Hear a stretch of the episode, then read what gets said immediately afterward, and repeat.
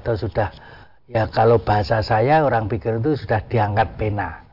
Jadi karena kesadarannya otaknya terutama ya dia bingung dia tidak bisa itu termasuk mungkin orang pikun itu tidak sholat berarti tidak dosa karena memang dia pikun itu. Oh, dia ditanya tidak tahu namanya siapa rumahnya mana karena pikun itu. Jadi segala macam tadi insya Allah kalau sudah pikun betul ya itu sudah diangkat penanya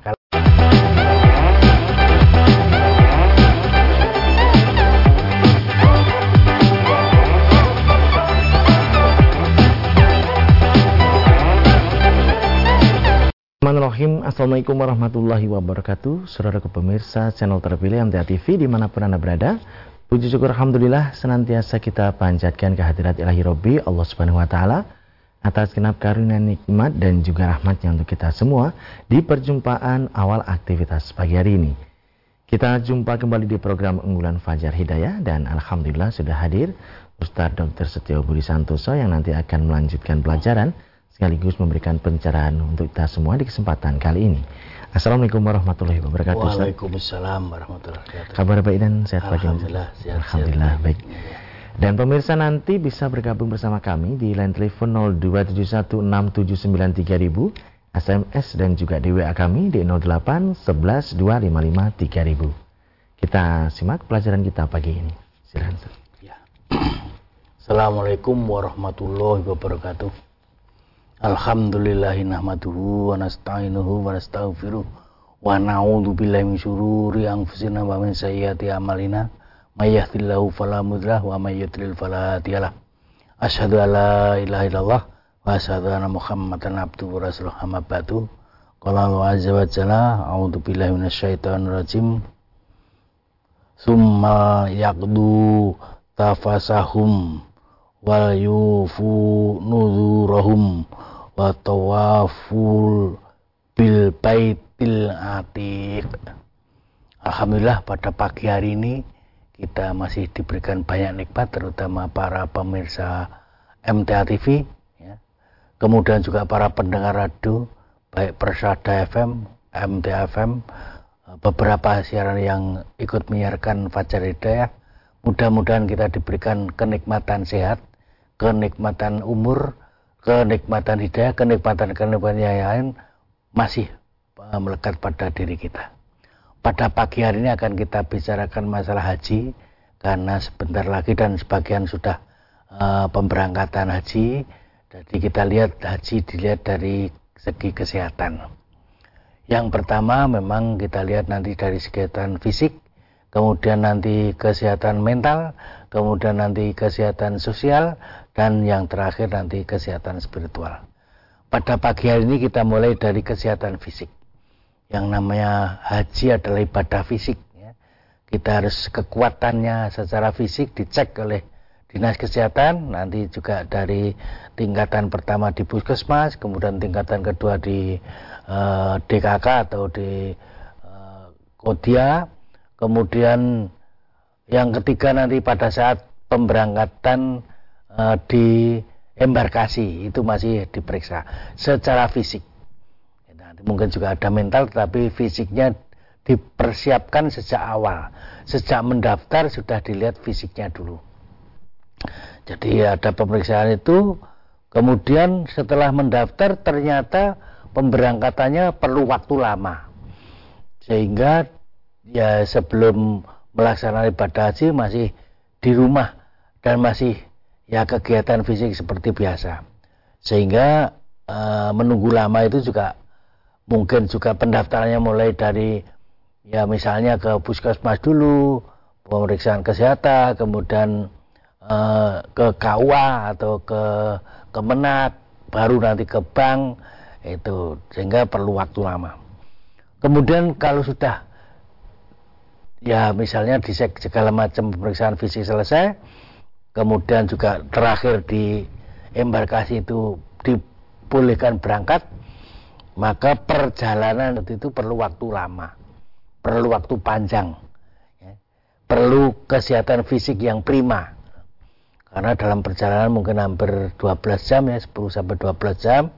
Kemudian juga sebelumnya eh, misalnya juga persiapan uh, fisik. Kemudian juga di sana mengurus imigrasi itu juga perlu uh, stamina fisik yang yang bagus itu karena harus antri harus misalnya ada berdiri kemudian ya tidak tidak cepat. Jadi itu perlu persiapan fisik gitu.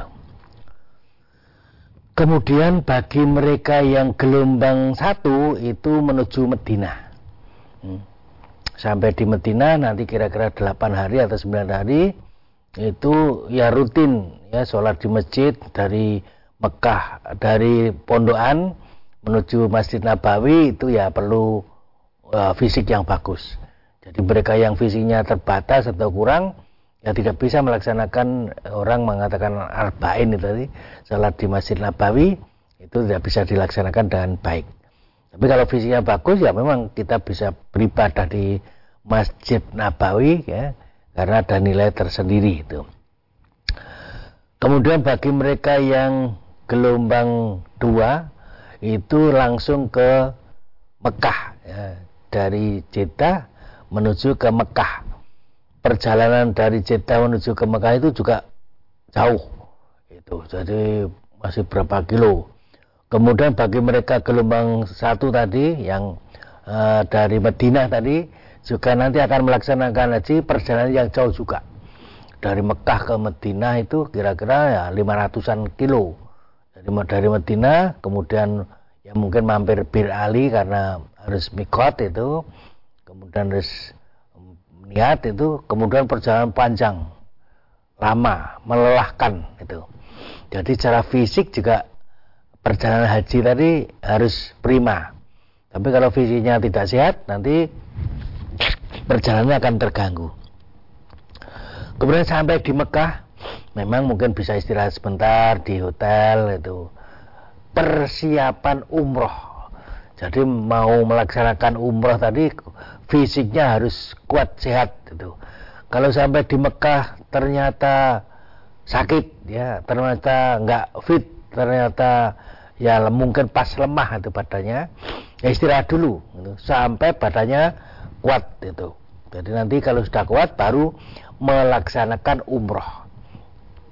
Karena kebanyakan haji tamato dilaksanakan umroh dulu baru nanti haji gitu. Jadi pelaksanaan umroh ini masuk masjid ya dimulai dengan tawaf. Tawaf selama se tujuh kali mengitari eh, Baitullah yang mengitari Ka'bah itu padahal mungkin yang paling pendek itu hampir 500-an meter. Jadi kalau eh, ya serat, jadi kalau tujuh kali tadi itu hampir sekitar 5 kilo yang agak jauh. Yang mungkin paling dekat ya misalnya kalau dianggap 500 meter itu tiga setengah tiga setengah kilo. Itu kalau mepet tembok, mepet Baitullah tapi biasanya karena agak jauh jadi kira-kira ya ya jalan kaki tawaf itu sekitar 5 kilo gitu. Bagi mereka yang e, kondisi fisiknya tidak kuat atau tidak mampu kan tidak bisa. Memang ada ya bantuan bagi mereka yang di situ ada misalnya tidak bisa jalan mungkin pakai kursi roda bisa di, di temannya mengantar atau juga ada sepeda motor sepeda motor yang yang secara uh, mesin di, di bisa dijalankan. Tapi biasanya di lantai dua itu. Sebelum melaksanakan tawaf harus suci ya.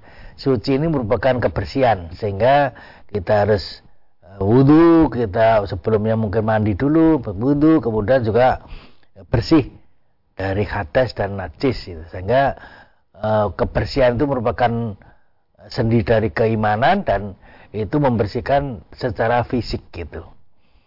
Setelah tawaf, kemudian melaksanakan sa'i. Sa'i itu ya kira-kira ya 50-an eh, 500 meter sehingga kalau tujuh kali ya kira-kira ya tiga setengah kira-kira ya tiga setengah kilometer tuh karena jaraknya antara sofa dan marwah itu kira-kira 500 meter kalau dikalikan tujuh kan berkali-kali nanti hampir tiga setengah kilo. Sehingga kalau orangnya fisiknya lemah atau tidak punya kekuatan, maka untuk melaksanakan sa'i tadi juga kesulitan. Walaupun tadi kalau memang bersama keluarga ada pendamping, bisa sa'i dengan kursi roda lewat tengah itu di tengah itu ada kursi roda dan nanti lewat itu atau nyewa nyewa orang ya yang punya kursi roda eh, digeledek gitu pakai kursi roda. Kalau sepeda kelihatannya nggak ada hanya, hanya kursi roda saja sehingga nanti ya tergantung kalau dia e, bawa saudara bisa bisa mengantar pakai kursi roda sendiri ya monggo. Tapi kalau tidak ada ya nyewa orang yang bisa ngantar tadi sehingga kalau sehat mestinya bisa melaksanakan maksimal. Bahkan mungkin bisa lari-lari pada saat ya di bawah di bawah apa ya listrik biru itu. Jadi bisa lari pada saat itu kemudian nanti jalan kaki lagi. Itu kalau orang sehat. Tetapi kalau orang sakit kan tidak bisa lari-lari itu kemudian setelah sa'i memang sudah selesai kemudian tahalul mencukur rambut terus pulang. Istirahat tuh pulang di hotel. Kemudian biasanya kegiatan yang paling utama sholat di Masjidil Haram ya rutin. Lima waktu ya, terus-terusan itu. Mempersiapkan nanti pada saat haji itu. Jadi walaupun ya apa ya walaupun teorinya te istirahat istirahat untuk persiapan haji tapi ya prakteknya ya kita banyak ibadah ya mungkin kalau perlu ya sholat duha di masjid apa Nabi Nabawi Masjid Haram Masjid Haram kemudian juga ya mungkin tahajudnya juga bisa atau juga sholat rawatib rutin atau juga yang jelas lima waktu di Masjidil Haram. Jadi itu kalau hotelnya dekat ya mungkin tidak banyak mengeluarkan tenaga fisik. Tapi kalau ada yang hotelnya hampir lebih dari satu kilo, ada bahkan tiga kilo, kan perlu kegiatan fisik. Misalkan tidak jalan kaki ya pakai taksi dan sebagainya. Jadi tetap penggunaan fisik itu sejak awal sudah e, dibutuhkan bagi mereka yang melaksanakan ibadah fisik ibadah haji. Setelah tanggal 8 hari tarwiyah persiapan untuk melaksanakan haji ya. Berangkat ke Arafah itu. Jadi memang ada yang mengikuti sunnah Nabi itu dari dari Mekah menuju Mina dulu baru ke Arafah. Tanggal 8 itu di Mina. Malam 8 malam tidurnya di Mina. Tapi tidak difasilitasi oleh pemerintah Arab Saudi. Sehingga harus membiayai sendiri mau makan mau tidur silakan. Boleh untuk ke Mina dulu tetapi umumnya kebanyakan dari Mekah langsung ke Arafah itu. Arafah istirahat mungkin pagi hari sholat subuh dan sebagainya masih belum ada kegiatan ritual. Nanti mulai zuhur ya sudah ada ritual namanya wukuf ya. Mulai zuhur itu melaksanakan wukuf. Wukuf dimulai dari khotbah kemudian sholat setelah zuhur dan asar. Kemudian pelaksanaan wukuf ya mencari tempat beribadah berzikir berdoa pokoknya banyak ya, di Arafah itu memang haji itu Arafah jadi kegiatan itu selama di Arafah kita maksimalkan untuk beribadah. Kemudian nanti pada saat maghrib biasanya dipersiapkan berangkat ke Musdalifah.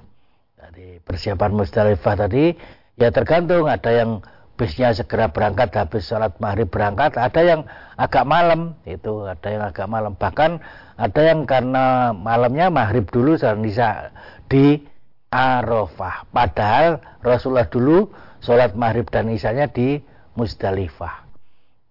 tapi karena terkendala bis, ya sudah kita sholat dulu maghrib, sholat isya, nunggu bis, setelah bisnya datang berangkat ke Musdalifah. Di Musdalifah mabit ya semalam ada yang ya bisa istirahat tidur kalau datangnya agak sore agak malam. Kalau sampai subuh ya sudah sholat subuh di situ terus berangkat lagi ke Mina. Jadi bahasa saya selama semalam suntuk itu mungkin relatif tidak tidur tuh karena banyak zikrullah, kemudian perjalanan, kemudian uh, mabit di Musdalifah tadi. Kalau bisa tidur ya bagus itu di Musdalifah sempat tidur misalnya nanti setelah subuh berangkat ke Mina. Sampai di Mina kebanyakan juga melaksanakan jumroh. Ya, yang pertama hari pertama jumroh akobah. Ada di antara kita yang dari Musdalifah ke ke Masjidil Haram. Tapi jarang-jarang karena kebanyakan dari Musdalifah langsung ke Mina. Kemudian melaksanakan uh, melempar jumroh yang pertama akobah itu. Lah memang melempar jumroh akobah itu dekat, mungkin hanya 10 meter dari ya kita melempar batunya. Tetapi perjalanan dari tempat uh, tidurnya atau kemahnya itu itu minimal 3 kilo ya. Jadi harus ada perjalanan jauh minimal 3 kilo. Jadi kalau fisiknya tidak mampu ya tidak bisa melaksanakan atau bisa bisa porsi roda ya kalau bawa kursi roda bagus juga. Ada hanya hanya kursi roda saja bisa diantar kemudian melempar jumroh kembali ke uh, penginapan lagi ja, yang yang tadi tendanya penginapan itu kira-kira 3 kilo minimal. Ada yang tiga setengah ada yang 4 kilo gitu. Jadi juga perjalanan yang jauh. Apalagi kalau ada di antara warga gara-gara mungkin akan segera menstruasi misalnya dari melempar jumrah akobah langsung ke uh, Masjidil Haram ya, untuk melaksanakan tawaf ifadah. Itu perlu tenaga yang prima ya perlu tenaga fisik yang bagus itu.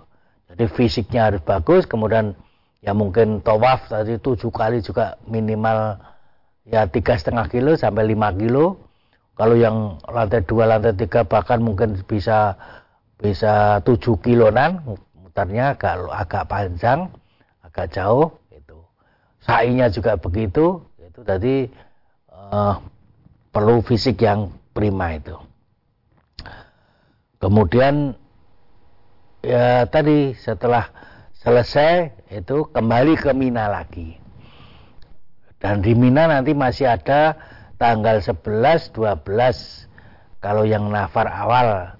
Kalau yang nafar sani tanggal 13 jadi 11 12 13 di situ memang tinggal di pondokan atau di perkemahan tadi malamnya tidur tapi paginya atau siangnya nanti melempar jumroh. Ya dua tiga kali tadi.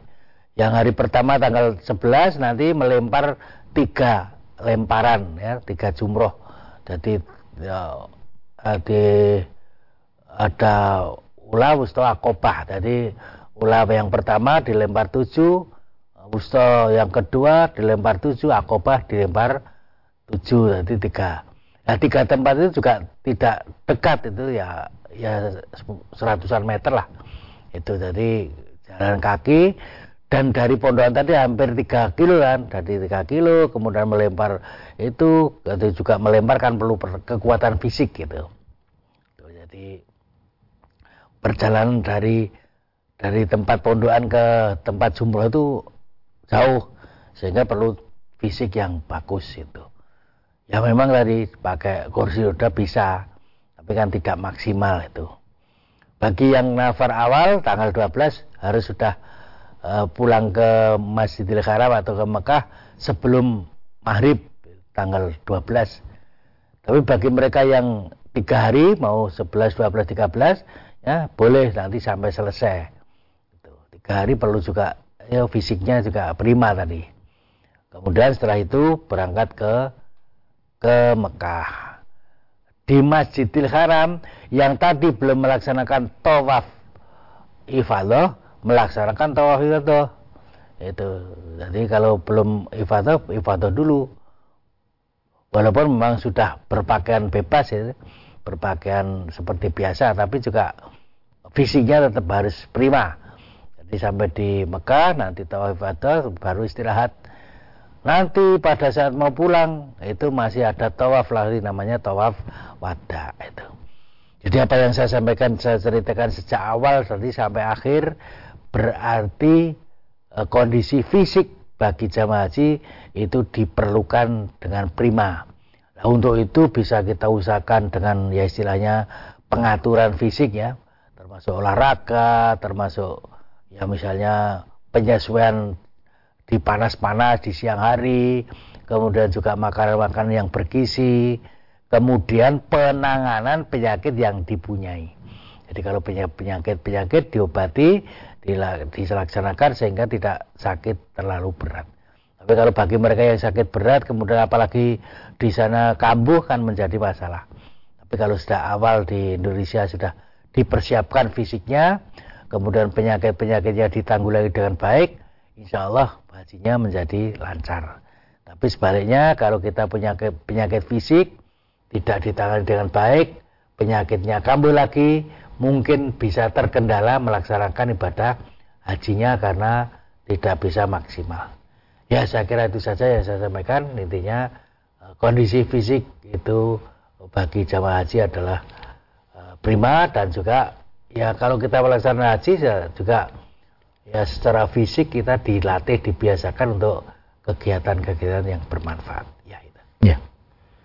Baik pemirsa kami harapkan Anda bisa bergabung di line telepon 02716793000 SMS dan juga di WA kami di 08 11 255 3000. Namun sebelumnya kita akan simak beberapa informasi dalam rangkaian jeda pariwara berikut ini. Baik saudaraku pemirsa channel terpilih MTA TV di mana pun Anda berada, terima kasih Anda masih setia bersama kami khususnya di program unggulan Fajar Hidayah pagi ini. Kesempatan yang pertama kami persilahkan di line telepon 6793000 untuk bisa bergabung. Halo, Assalamualaikum. Waalaikumsalam warahmatullahi wabarakatuh. Dengan siapa di mana Bapak? Dari Palembang nih Pak Hadi. Ya, silakan Pak Hadi. Dari Palembang nih Pak Hadi. Assalamualaikum Pak Ustadz, Mas Tommy. Waalaikumsalam warahmatullahi wabarakatuh. Mari Adi. Maaf, pertanyaan saya ini di luar tema. Saya tanya masalah sholat. Ada seorang musafir dijadikan imam oleh seorang oleh, oleh seorang mukil. Padahal imamnya itu sholatnya dikosor. Kebetulan sholatnya dulu dan asar. Nah, si mungkin sholatnya tamam. Setelah selesai dua rakaat salam, lalu si tamam itu bangkit lagi untuk menambah rakaatnya. Nah, saya tanyakan apakah ada contoh dari Rasul Pak Ustaz? Kalau yang seperti itu. Ya, demikian. Mohon penjelasannya. Terima kasih. Wassalamualaikum warahmatullahi wabarakatuh. Waalaikumsalam warahmatullahi wabarakatuh. Jadi dulu pada saat Rasulullah itu di Mekah, beliau kan di Mekah itu sebagai musafir. Nah, beliau mengimami, mengimami para jamaah tadi itu sehingga orang-orang Mekah yang rumahnya di Mekah ikut berjamaah di belakang Rasulullah sehingga pada saat Rasulullah sholat sholat uh, di di kosor tadi hanya dua rakaat yang yang di belakang atau para sahabat yang di rumahnya di Mekah tadi itu menambah dua dua rakaat. Jadi memang yang namanya sholat itu berjamaah diutamakan, dipentingkan. Ya. Kalau sendiri-sendiri itu nilainya pahalanya sedikit. Tapi kalau kita bersama, kalau bisa bersama karena sama, ya sama-sama sholat duhur, kemudian juga walaupun mungkin rekaatnya berbeda tadi, itu yang musafir tetap uh, di kosor dua rakaat, kemudian yang tamam menjadi empat rakaat. Jadi pada saat Rasulullah di di Mekah pada saat itu, itu orang-orang Mekah pun ikut sholat melaksanakan bersama-sama Rasulullah bersama imamnya Rasulullah kemudian orang-orang Mekah mengikutinya. Sehingga itu merupakan contoh bahwa uh, ya apa orang musafir dan orang mukim itu bisa tetap secara berjamaah walaupun jumlah rekaatnya berbeda. Termasuk orang yang masbuk gitu pada saat kita misalkan maghrib atau ngisa misalnya eh, kita masbuk ternyata imamnya sudah dua rakaat isya sholat isya dua rakaat imamnya sudah dua rakaat. Itu kalau kita bisa gabung ya sudah. Kita tetap bisa gabung kita baru dapat dua rakaat imamnya sudah salam. Lah makmumnya meneruskan itu contohnya itu. Jadi kalau ada orang uh, makmum masbuk tadi mungkin uh, imamnya satu rakaat. Nah dia masbuk itu nusul itu. Berarti kurang dari satu rakaat kurang satu rakaat lagi tadi. Sehingga pada saat segala macam diikuti imamnya kemudian setelah selesai imamnya salam kemudian makmumnya menambah satu rakaat jadi itulah contohnya kita bisa antara mukim dan uh, musafir jadi imamnya musafir uh, yang makmumnya mukim itu menambah rakaatnya ya. baik kita baca yang ada di SMS dan di WA Ustaz. Yang pertama dari Pak Nardi di Cilacap. Upaya apa lagi yang harus kita lakukan Ustadz agar terhindar dari gangguan setan setelah kita mengucapkan kalimat ta'awud? Ya, jadi kalau sudah istighfar, mohon, mohon ampun atau mungkin menjaga, mohon supaya dijauhkan dari perilaku setan tindak lanjutnya mestinya tidak hanya sekedar mengucap ya, tidak hanya sekedar astagfirullahaladzim atau a'udzubillahi minasyaitonirrajim kita tahu tadi itu terus tindak lanjutnya misalnya satu kedekatan diri kepada Allah menjadi lebih sehingga kalau orang itu dekat dengan Allah tentu jauh dari setan jadi selain selain mengucapkan tahu tadi a'udzubillahi minasyaitonirrajim juga kedekatannya kepada Allah di, ditingkatkan itu. Kemudian juga mencari lingkungan yang baik ya, teman-teman yang mencari ridhonya Allah di pagi dan petang hari itu menjadikan kekuatan kita, keimanan kita, kedekatan kita menjadi lebih lebih bagus. Kalau kita ya mengucap ta'awud, minasyaitonirrajim tapi ternyata perilaku kita ya, kumpulan kita, teman-teman kita orang maksiat ya, senang dekat dengan orang mendem, dengan dekat orang zina, mungkin juga uh, orang uh, dekat-dekat orang judi, akhirnya bisa terpengaruh itu. Walaupun kita sudah mengucap minasyaitonirrajim, ya Allah, mudah-mudahan kau uh, menjauhkan diri dari dari setan tadi dan yang terkutuk, tapi perilaku kita harus dilaksanakan.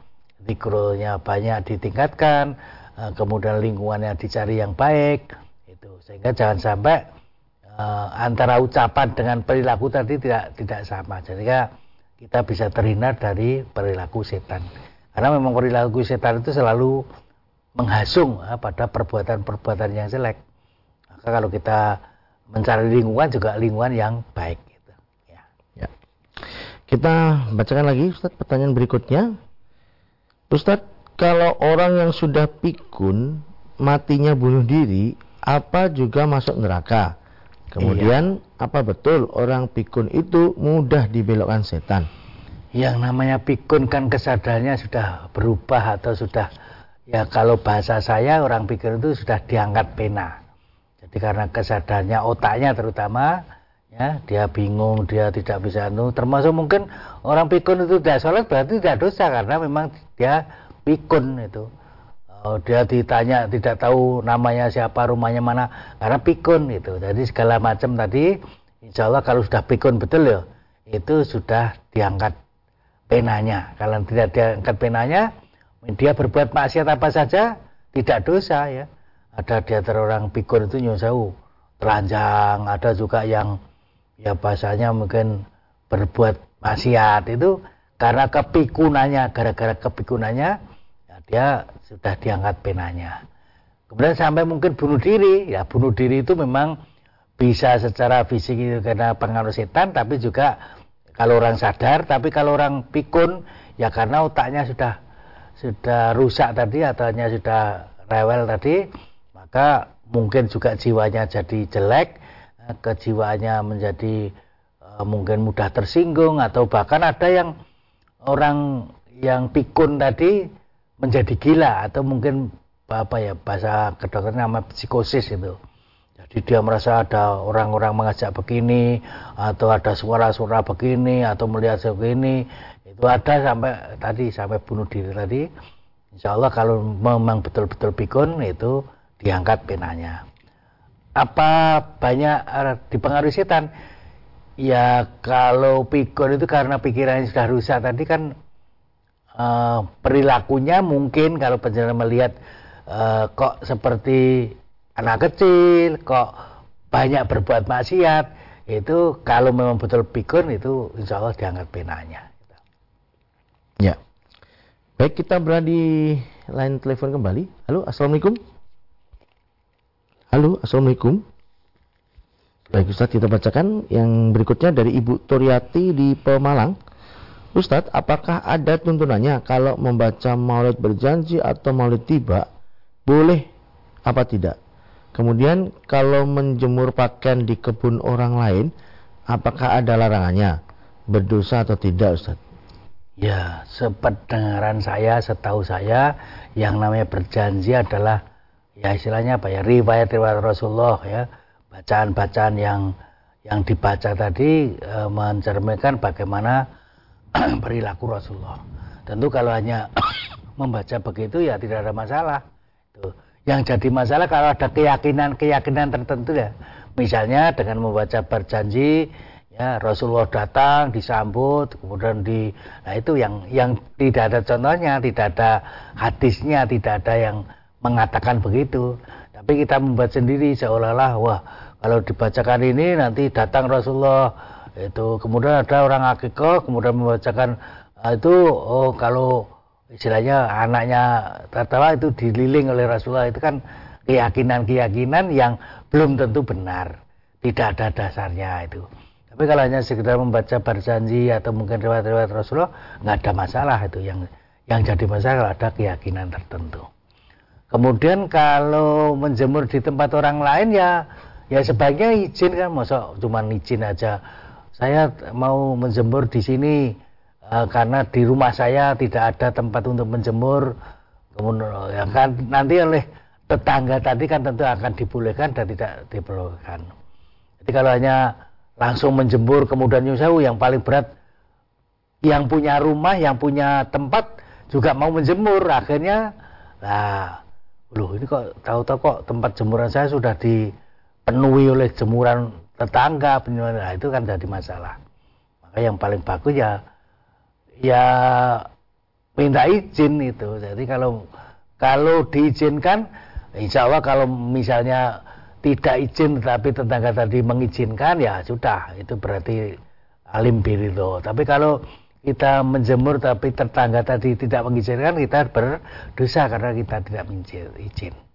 Ada di antara kita itu bertetangga ya sudah karena dia tahu bahwa tetangga tadi tidak punya tempat tempat menjemur kemudian dia menjemur ke tempat kita ya dibiarkan saja ridho itu bisa nggak apa-apa.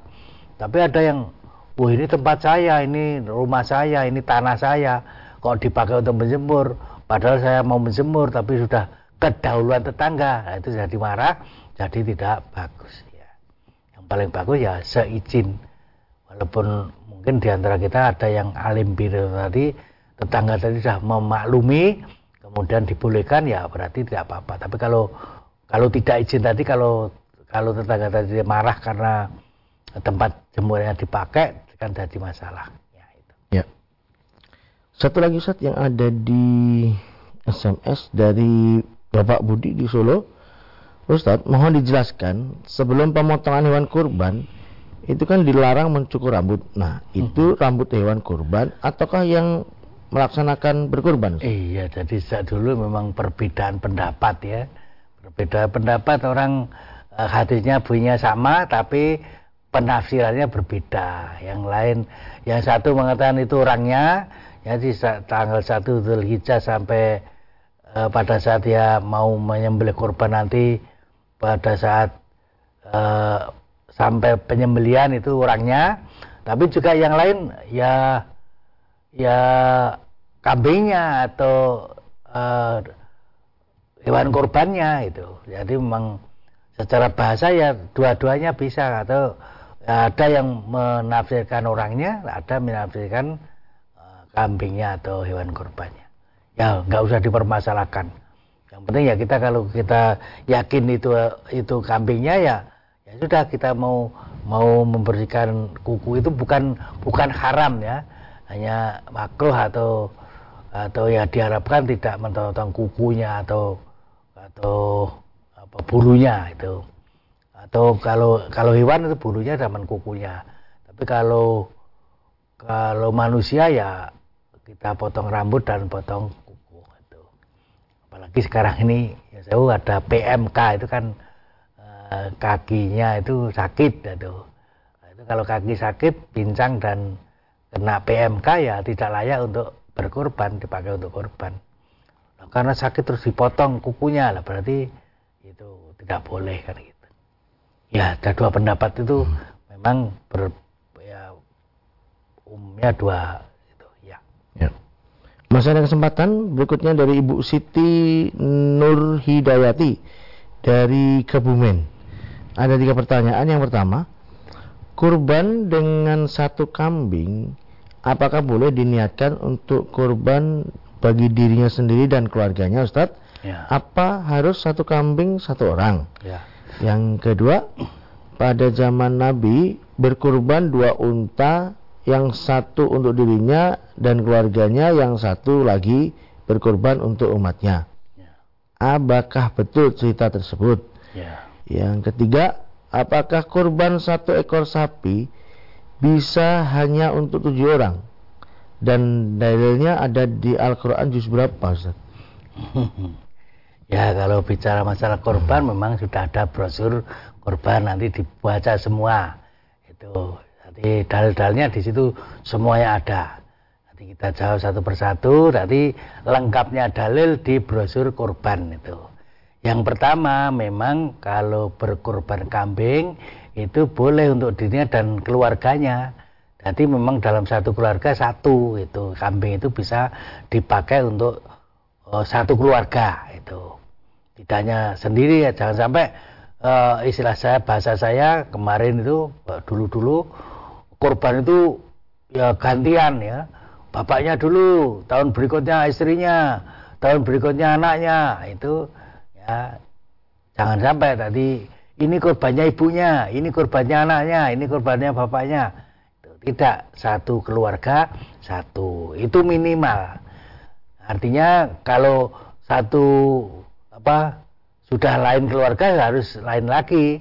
Tapi kalau minimal satu itu dalam satu keluarga. Tapi misalnya masing-masing satu juga boleh ya, tidak dosa. Istrinya juga satu, suaminya juga wah saya sudah punya penghasilan sendiri, kemudian anaknya sudah sudah punya penghasilan sendiri atau juga menyelengi misalnya itu uh, istrinya sendiri, bapaknya sendiri, anaknya sendiri boleh. Tapi kalau satu keluarga itu satu juga boleh karena sudah memenuhi syarat. Tuh. Tapi kalau kambing untuk urunan ya, terutama anak-anak sekolah itu satu kambing untuk satu kelas, satu kambing untuk satu sekolah itu ya tidak berkorban itu ya apalagi kalau dagingnya tidak dibagikan tapi dimakan bersama itu namanya pesta itu makan bersama jadi satu kambing boleh dirinya dan untuk keluarganya. Nanti hadisnya atau e, dalilnya ada di brosur korban itu.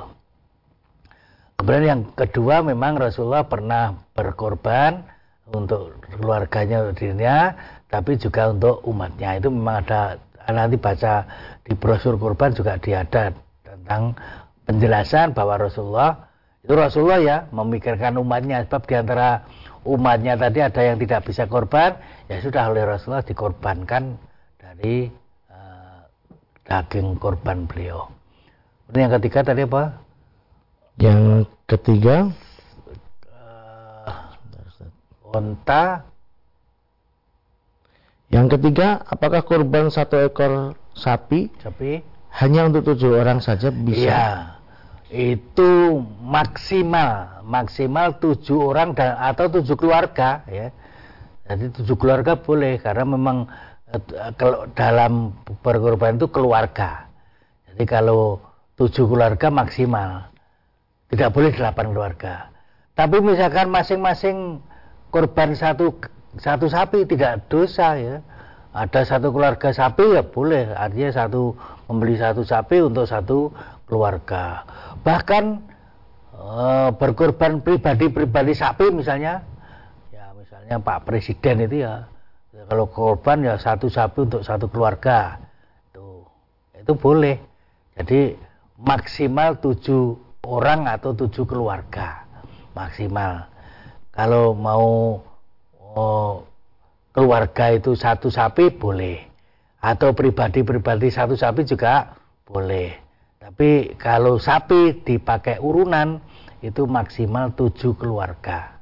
Atau tujuh orang. Tujuh orang untuk satu untuk dan keluarganya itu masuk itu. Ya ya. Satu lagi Ustaz. Dari Ibu Tri di dari haji bisakah diwakilkan Ustaz? Ya memang dalam hadis-hadis sering pemahaman orang itu namanya badal haji itu bisa diwakilkan itu. Tapi kita di majelis tafsir Al-Quran dengan dasar ayat-ayat yang walaisa lil insrani ila masa'a itu surat An-Najm ayat 39 dan ayat yang lain yang orang beramal itu dirinya sendiri. Jadi tidak bisa amal itu dipakai untuk orang orang lain. Itu selama ini di majelis tafsir kan yang yang memang dua pendapat itu terjadi di masyarakat muslim ya monggo dan ngambil mana tapi majelis tafsir kan memutuskan tafsir yang kita pakai itu uh, bahwa orang itu beramal untuk dirinya sendiri. Orang itu berdosa juga untuk dirinya sendiri. Tidak ada dosa dilemparkan orang lain atau tidak ada amal dilemparkan orang orang lain. Nanti kalau kita beramal ya untuk diri kita sendiri. Apalagi haji itu kan harus fisiknya ada, misalnya wukuf di Arafah. Itu kalau tidak datang di Arafah kan namanya tidak haji. Itu. Kemudian ya segala ritual tadi kan harus dilaksanakan. Kalau tidak dilaksanakan berarti tidak melaksanakan haji. Kalau dihajikan orang lain ya memang dalam hadis-hadis pernah ada seorang sahabat tanya kepada Rasulullah, "Ya Rasulullah, orang tua saya uh, sudah sakit-sakitan atau mungkin usianya tua itu mau berangkat haji tidak bisa bagaimana kalau saya memberangkat uh, saya berangkat haji mengajikan bapak saya? Silahkan itu ya. Kalau orang mau berangkat haji ya silahkan karena memang amal hajinya tadi terutama untuk dirinya sendiri. Atau bahkan mungkin orang meninggal pun dihajikan itu kan uh, ya apa ya uh, kalau sahabat ada yang begitu tapi Rasulullah itu kalau ditanya supaya dia melaksanakan haji mengajikan itu kan kalau dia ngerti ayat bahwa orang itu beramal untuk dirinya sendiri dia tentu melaksanakan haji ya pahalanya untuk dirinya sendiri bukan untuk orang orang lain. Itu namanya perbedaan pendapat hilafiyah ya monggo dipahami atau diyakini itu. Jadi kalau kebanyakan umumnya adalah badal haji itu ada karena berdasarkan hadis. Tapi berdasarkan ayat-ayat kita yang mungkin juga penafsir-penafsir juga berbeda pendapat tadi. Maka yang kita ikuti, yang kita yakini dari ayat itu memang tidak bisa menghajikan orang lain. Ya. ya. Kami sampaikan terima kasih atas pelajaran di kesempatan iya. pagi ini. Assalamualaikum warahmatullahi wabarakatuh. Waalaikumsalam warahmatullahi wabarakatuh. Baik saudara pemirsa channel terpilih MTA TV di mana pun Anda berada Demikian tadi telah kita simak dan ikuti bersama program unggulan Fajar Hidayah pagi ini. Kita jumpa kembali di kesempatan mendatang dan saya Tami Al-Fatani pamit undur. Alhamdulillah Alamin Subhanakallahumma wa bihamdika Asyhadu alla ilaha illa anta astaghfiruka wa Assalamualaikum warahmatullahi wabarakatuh